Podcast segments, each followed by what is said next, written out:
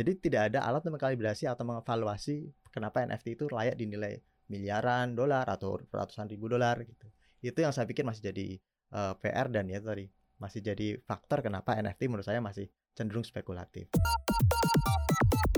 Sobat Cuan itu bisa meletakkan NFT ini kayak apa? Apakah ini juga bisa masuk nantinya ke dalam diversifikasi investasi kah?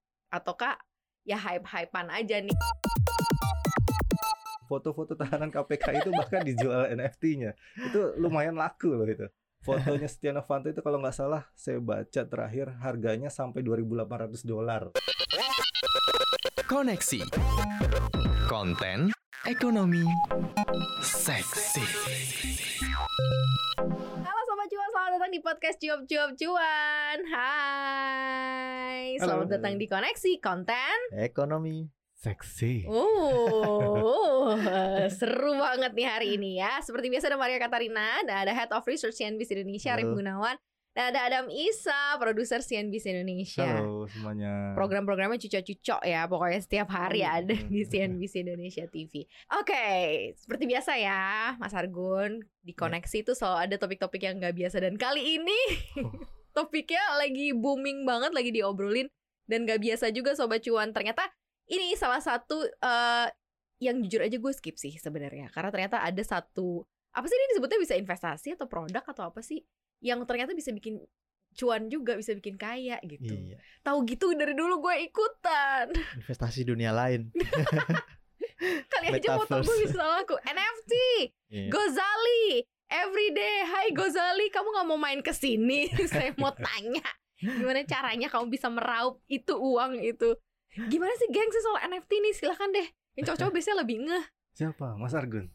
Adam loh, Adam. Gimana? Adam, Adam, Adam. Adam. Saya sih ngelihat NFT ya. Mm -mm. NFT itu kan baru tahun 2021 ini kan boomingnya gara-gara itu pun di Indonesia rame karena Gozali yang kemarin mm -mm. Gozali Everyday itu sebenarnya kalau yang saya baca sih dia mulai sudah ada itu di dunia metaverse atau blockchainnya itu kan di tahun 2014 ya tapi kan uh, baru-baru ke sini aja mulai rame. Mm -mm.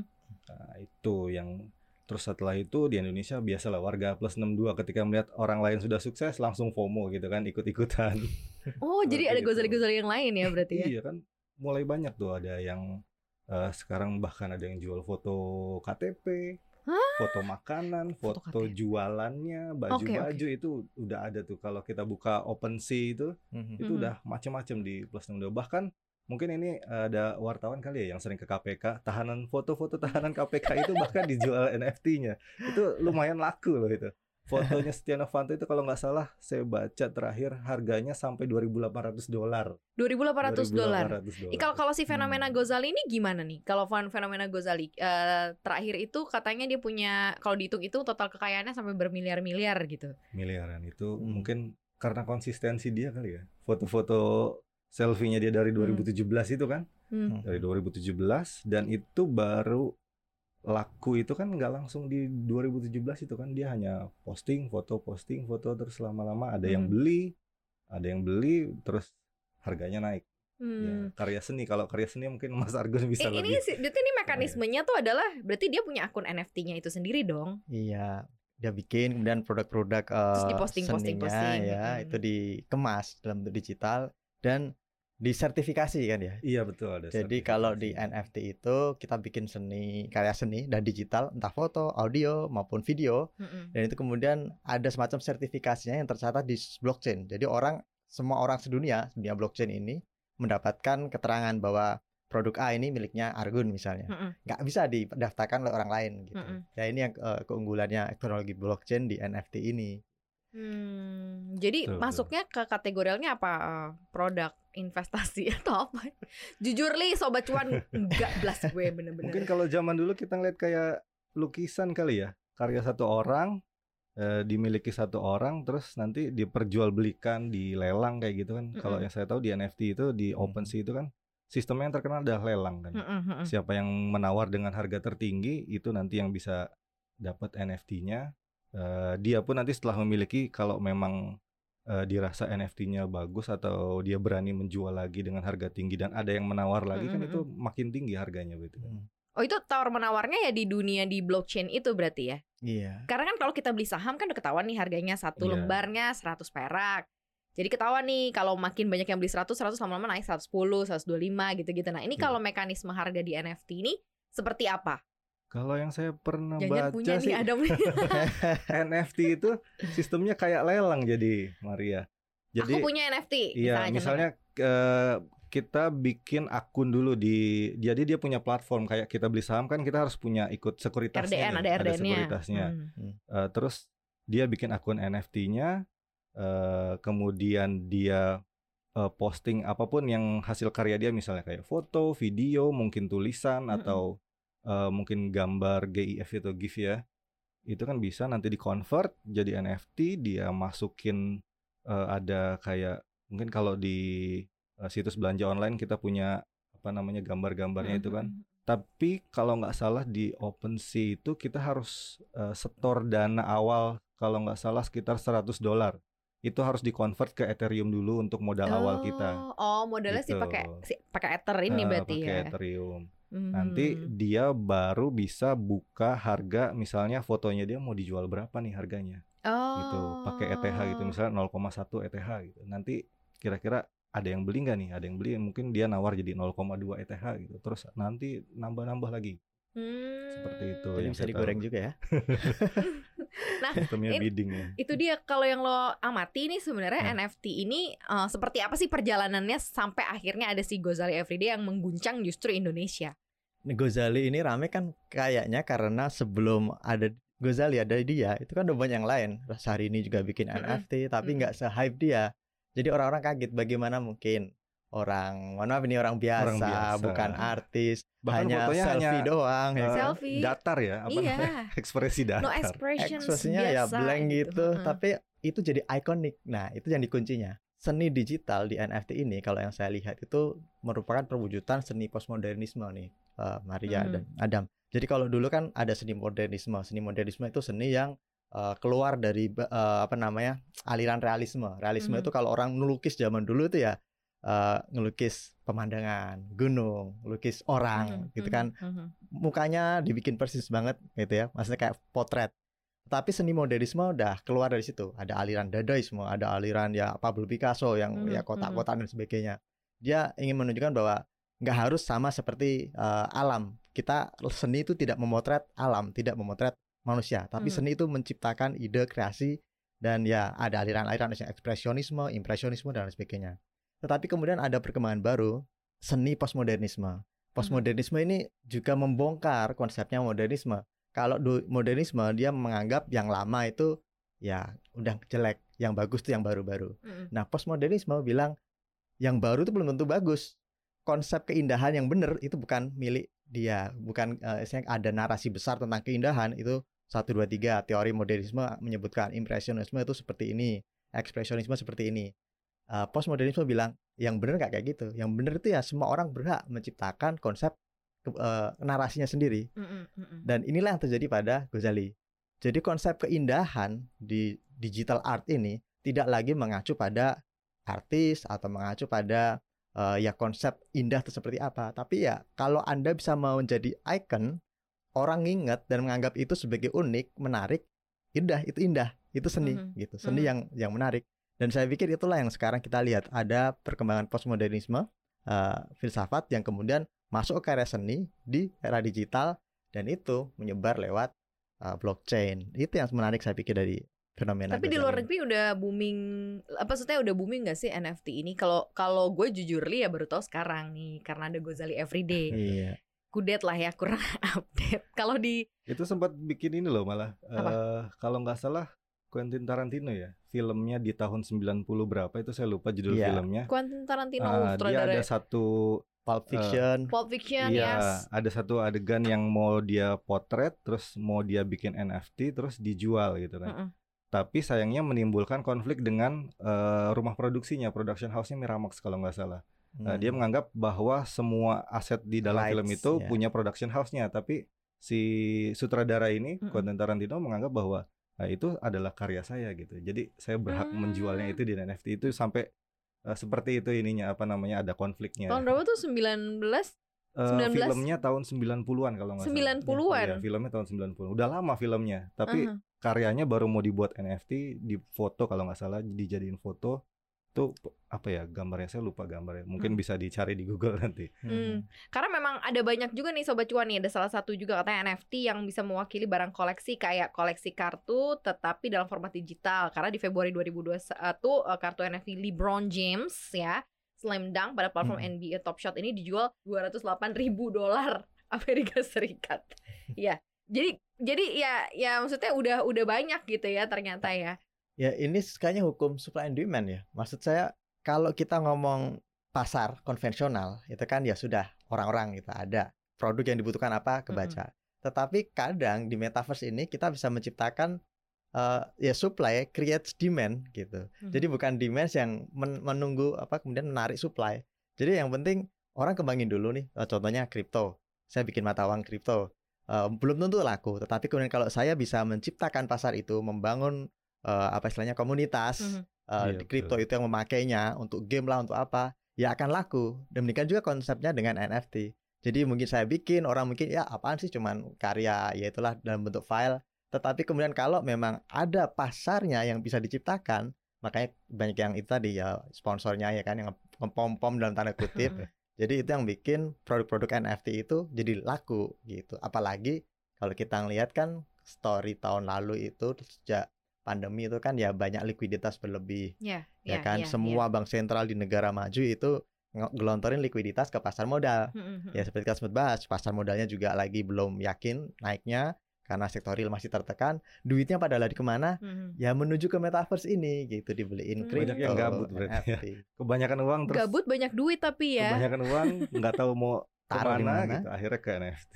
Iya, Emang emang eh, berdasarkan eh, apa namanya research juga tertinggi memang di tahun 2021 ya penggunaan NFT ini ya. lagi hype-hype-nya emang puncaknya di 2021 Iya, di ini. 2021. Tapi Bahkan- nantinya ke depannya akan seperti apa sih positioningnya?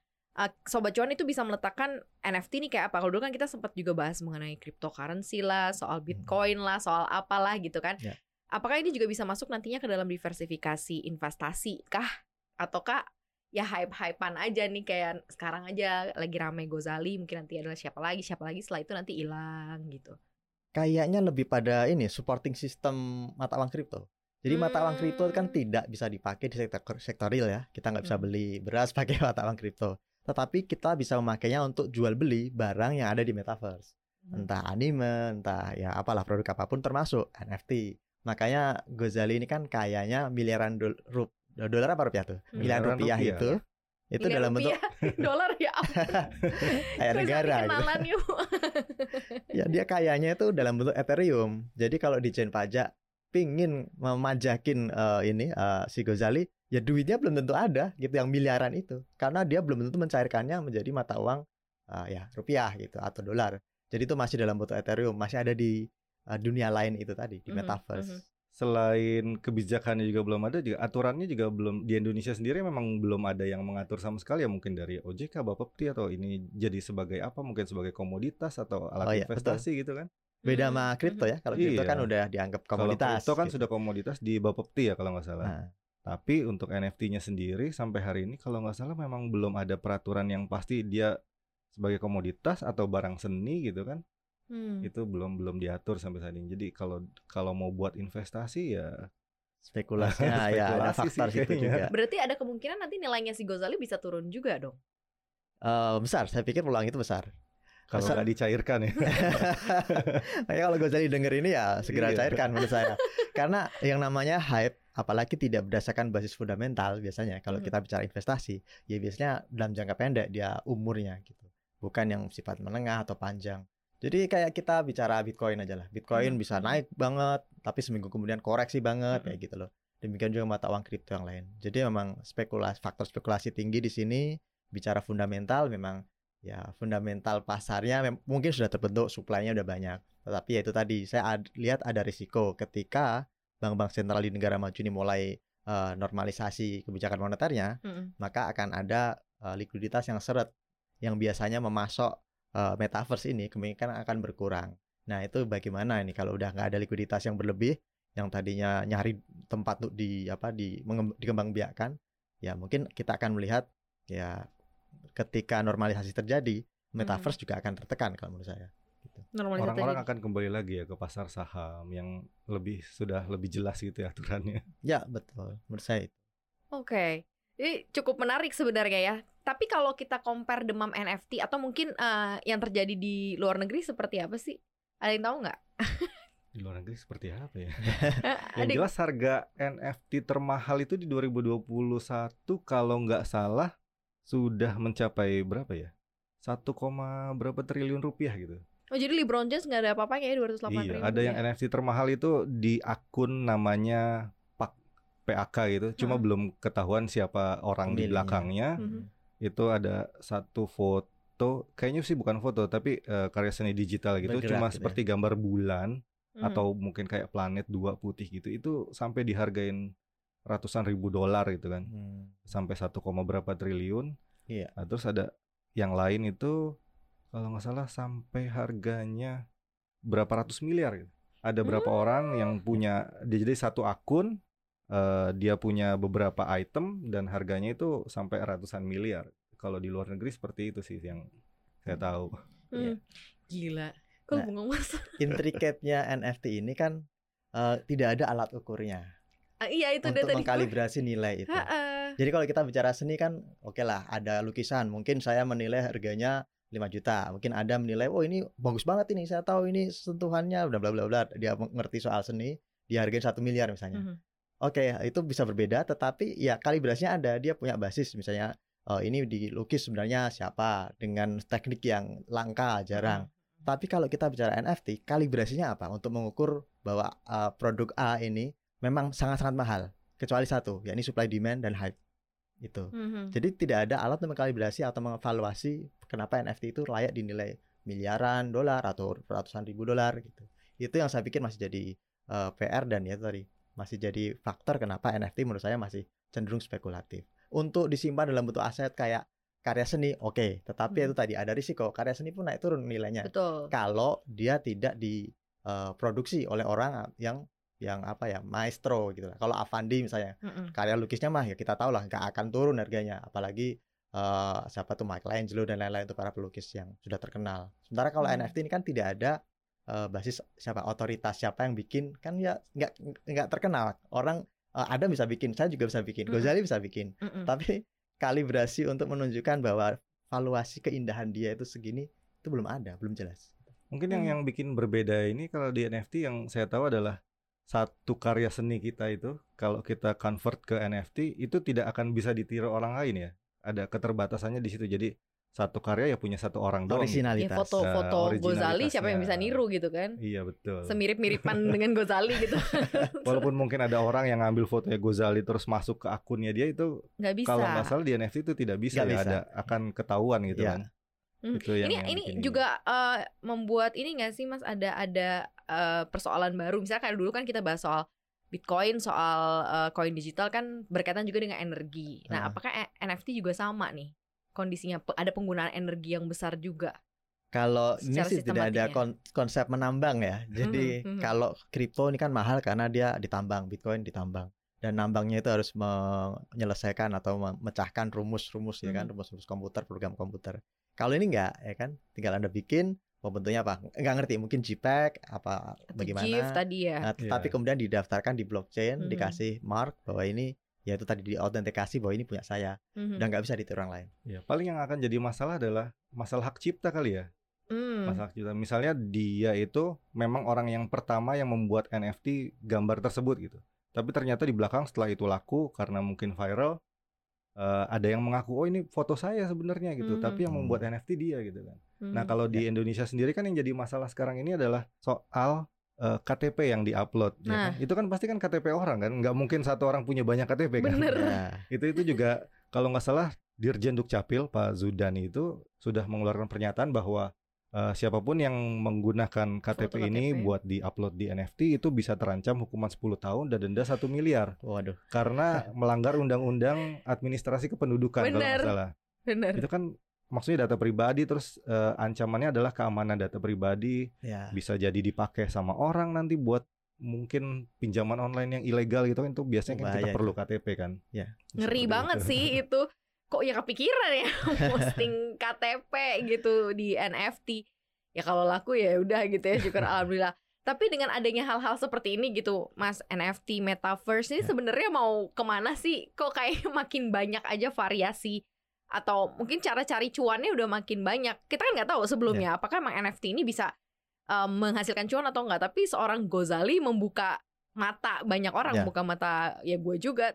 Oh ternyata bisa dapat duit juga, cari cuan juga di sana. Ya dan sekarang banyak seniman-seniman juga yang akhirnya membuat NFT atas karya-karya mereka, Eh, ya fotografer gitu. Dan itu memang hal yang positif lah ya. Atau kalau kita bicara tadi untuk menjamin autentikasi karyanya di dunia digital atau secara umum di dunia metaverse. Mhm. Hanya saja ya mungkin nanti ya seperti dibilang Adam, kalau misalnya ada sengketa gimana? Hak ciptanya eh, itu tadi kan siapa yang bikin duluan Mhm. itu yang akan mendapatkan autentikasi. Entah sebenarnya di dunia nyata dia yang bikin atau orang lain yang bikin, dia cuman Mm-mm. kayak ngeprint lah ibaratnya gitu. Ya, ini kan persoalan yang perlu dibuktikan dan itu belum ada aturan hukumnya memang. Jadi eh, kepastian hukum ini yang masih jadi PR. Kemudian tadi saya pikir kalau kita bicara karya seni ya kalibrasi atau valuasinya itu yang masih kita belum ada. Hanya saja keniscayaannya memang ke sana. Metaverse itu tidak terelakkan. Sekarang kayak Facebook dia bangun Mm-mm. metaverse. Dia yakin bahwa nanti eh, interaksi manusia itu tidak hanya di internet tapi ya di dunia metaverse dan apalagi ntar dia akan bikin virtual apa reality di situ Kan dan cuma avatar kalau ketemu di metaverse. Mhm. Itu nanti yang akan dikembangkan Apakah itu uh, our future world emang kayak begitu nantinya gitu ketemunya di dunia lain itu mas? Ya, saya pikir itu akan menjadi bagian dunia kita gitu. Tetapi pada titik mana kita bisa mengkapitalisasinya, maksudnya ya tadi apa yang bisa kita jual belikan, yaitu kan kita masih meraba-raba semua dan para para pelaku NFT, cryptocurrency ini saya pikir mereka adalah crusader-crusader gitu ya. Mm-mm, Mereka yang bikin jalannya, ngebuka jalan, mm-mm. tetapi ya itu tadi, jalannya itu masih gelap gulita, semak belukar, belum ada aturan. Mereka yang bikin jalan. Nah, nanti tinggal nanti pemerintah-pemerintah dunia ini kalau mau bikin aturan regulasi seperti apa, biasanya kita nanti di Indonesia akan niru. Amerika ternyata ngatur NFT soal trademark dan sebagainya bagaimana bagaimana, ya itu nanti kita akan baru ngikutin. Sejauh ini sih memang belum ada gitu untuk aturan kepastian hukum itu belum ada. Tapi di Hmm, metaverse itu sudah mahal loh tanahnya. Iya. Tanah digital itu sudah mahal. Semua Bahkan sekarang Me- rame-rame Metaverse ya. Group itu Mhm. membeli berapa bidang tanah itu kalau nggak salah sampai jutaan dolar kalau nggak salah. Itu Mhm, mungkin mhm. setelah itu Udah di plot dulu ya, akan dia iya, dia dulu ya. plot bagian tertentu di eh, apa namanya ya dunia metaverse-nya itu. Nanti setelah itu mungkin dibangun segala macam itu masih panjang kan. Tapi itu sih saya ngelihatnya Itu sebagai yang ukur siapa sih? Berapa meter perseginya? Gue itu sih bingung deh. kayaknya memang apa ya kayak semacam hiburan baru buat manusia yang mungkin udah bosen kali ya dengan Itu kan kalau dulu permainan zaman dulu apa sim ya? The sim ya? Kalau The ya Sim kan. sih Kalau ini bener-bener ada tanahnya dia bisa taruh iya kan Bangun lebih sesuatu kepada di situ. sekarang kan beralih ke kita pakai VR kan jadi Iya. kita berasa masuk ke Hmm. dalam gitu ya Mhm. kalau film zaman dulu mungkin yang ngikutin Matrix tahu kali ya Iya iya iya iya. iya. kalau Ketahuan ngikutin banget Matrix umurnya. itu kan ada dunia metaverse-nya sendiri Ka- Karena memang sejumlah perusahaan besar seperti ada tadi Facebook, Nike pun juga sudah membeli sebidang tanah katanya di Mhm. metaverse. Nah, ini juga nanti akan jadi seperti apa sih masa depannya gitu. Kalau menurut gambaran lo berdua nih ya uh, akan seperti apa kalau memang ini nanti akan menjadi bagian dan beriringan gitu. Lucu juga sih kita bisa bersapa, saling sapa sama orang yang di mana mungkin di Amerika, di mana dalam Ya. bentuk avatar di metaverse ya itu sih bayangan gue, Mas. Ya. Cuman ini nggak tahu nanti akan seperti apa uh, mekanismenya, terus kemudian dampak side positifnya seperti apa sih dengan ke- terhadap kehidupan real. paling yang pak akan berubah drastis adalah konsep bermedia sosial. Jadi Nah. media sosial ah, model Instagram, Twitter, Facebook itu yang biasa komen-komen status itu hanya akan sekedar komentar ya ditinggalkan. iya, bisa ya betul pakai virtual reality kita ketemu di metaverse, ngobrol, jalan ke mana, ketemu di sana, kemudian melakukan aktivitas di sana dan bisa menghasilkan uang di sana yang penting itu. Di Indonesia pun banyak pengembang eh, ma- Myriad kan dia bikin my social eh, apa namanya the new social uh, media konsepnya seperti itu metaverse jadi kita nanti bisa punya rumah kemudian bikin avatar sosok kita seperti apa dan nanti sa- bisa saling berjual beli Mhm. dengan menggunakan kripto mata uang kripto nah ini yang mungkin akan membuat orang tertarik untuk ke sana karena bisa dikapitalisasi akan ada gozali-gozali gitu kan yang Mm. punya kekayaan entah dalam bentuk ethereum uh, Bitcoin mungkin gitu ya di sana perjualbelikan uh, aset-aset NFT di situ. Itu yang akan mengubah cara kita bermedia sosial. Tetapi kalau kehidupan sehari-hari saya pikir kita tidak akan sedrastis itu perubahannya. Artinya persentuhan ekonomi ya, sosial itu masih akan uh, ya akan seperti biasa. Hanya saja uh, kita akan lebih banyak meluangkan waktu di dunia yang mengasyikkan ini dan juga bisa menghasilkan uang gitu. Menurut lo mas? Mungkin ini kayak uh, next levelnya dari game online kali ya. Ah, game iya, online itu kan bener. juga anak-anak muda sekarang tuh game online bisa kelihatannya ngobrol sih kan cuma iya kita bisa berinteraksi di game online kita punya avatar sendiri main game Iya. Eh, dan mungkin bagi orang-orang yang tidak tahu game online kayaknya cuma ngeliat ah ini cuma ngabisin waktu doang gitu kan main Hmm. berjam-jam Hmm. gitu padahal ternyata game online ini bisa Menghasilkan uang. menghasilkan uang juga gitu Iya. kan dengan apa namanya menukar menukar apa namanya poin-poin terus Ya. mungkin ada apa avatarnya sendiri eh, karakternya sendiri terus dia punya akun itu bisa dijual juga gitu Mhm. kan Eh, terus nanti ada e-sportnya sendiri yang yang yang profesional gitu Mhm. kan Hmm. Eh, tapi kalau saya ngelihat sih untuk beberapa tahun ke depan memang memang mungkin ini hanya bagi sebagian masyarakat aja ya Iya. kalau untuk eh, kelas pekerja yang setiap hari harus ke kantor gitu kan paling menikmati ini cuma sebagai hiburan yang mungkin di weekend nggak mau ke mana-mana gitu kan Hmm. Eh, tapi untuk eh, secara general sih karena peraturannya juga masih belum jelas gitu kan ini ah, masih ada risiko kan di sini ke depannya apakah kita benar-benar akan eh, mengikuti tren ke sana atau bahkan justru layu sebelum berkembang jadi kayak ah cuma begini doang gitu kan gambarnya kan eh, metaverse itu kan belum belum bagus-bagus banget Belum, terus belum. NFT Iya. cuma ya kita jual gambar eh, foto atau video gitu kan Hmm. ah cuma begini-gini doang saya juga bisa bikin sendiri gitu kan Eh, kalau semakin banyak yang jual nanti siapa yang beli gitu kan dia. apa faktor apa namanya supply, Supply and and demand-nya kan jadi nggak seimbang gitu semuanya pengen jualan gitu kan Hmm. tapi nggak ada yang beli kira-kira Iya. gitu Iya sih, bener sih. Ya itulah ya, mungkin ini bisa menjawab gitu kebingungan Sobat Cuan Atau mungkin Sobat Cuan yang berpikir, ah gue juga mau lah jualan NFT kayak Gozali Siapa tahu bisa cuan ya Udah telat belum sih? layak dicoba. Layak dicoba. nggak pernah ada kata terlambat Bener Ada supply, ada demand gitu kan Kali aja coba ya Sobat Cuan ya Yang jelas ya ini eh, kehidupan eh, masa depan mungkin dari NFT sampai metaverse mungkin harus dipersiapkan sobat cuan akan adanya irisan-irisan bukan hanya dunia nyata begitu ya dunia gaib dunia lainnya mungkin juga akan ada banyak orang yang lebih sering oh foto-foto foto gitu jadi iya nanti di convert ke NFT mau Kayak laku gitu. mau enggak yang penting kalau Gozali itu kan konsisten kan dari Konsisten. 2017 Tiap hari ya. sampai 2021 betul Dia tetap konsisten tiap hari tiap di hari. tempat yang sama ekspresi yang sama loh hebat loh Gozali oke keren banget lah pokoknya ya yang jelas Selamat untuk Gozali begitu ya karena konsistensinya mungkin bisa diambil juga sobat cuan ya kalau untuk mau cuan ya konsisten aja mau apa pun investasinya yang jelas harus mulai eh, dan konsisten. Terima kasih ya Sobat Cuan udah dengerin koneksi hari ini soal NFT, Metaverse. Mungkin nanti kita bisa bahas topik-topik yang lain.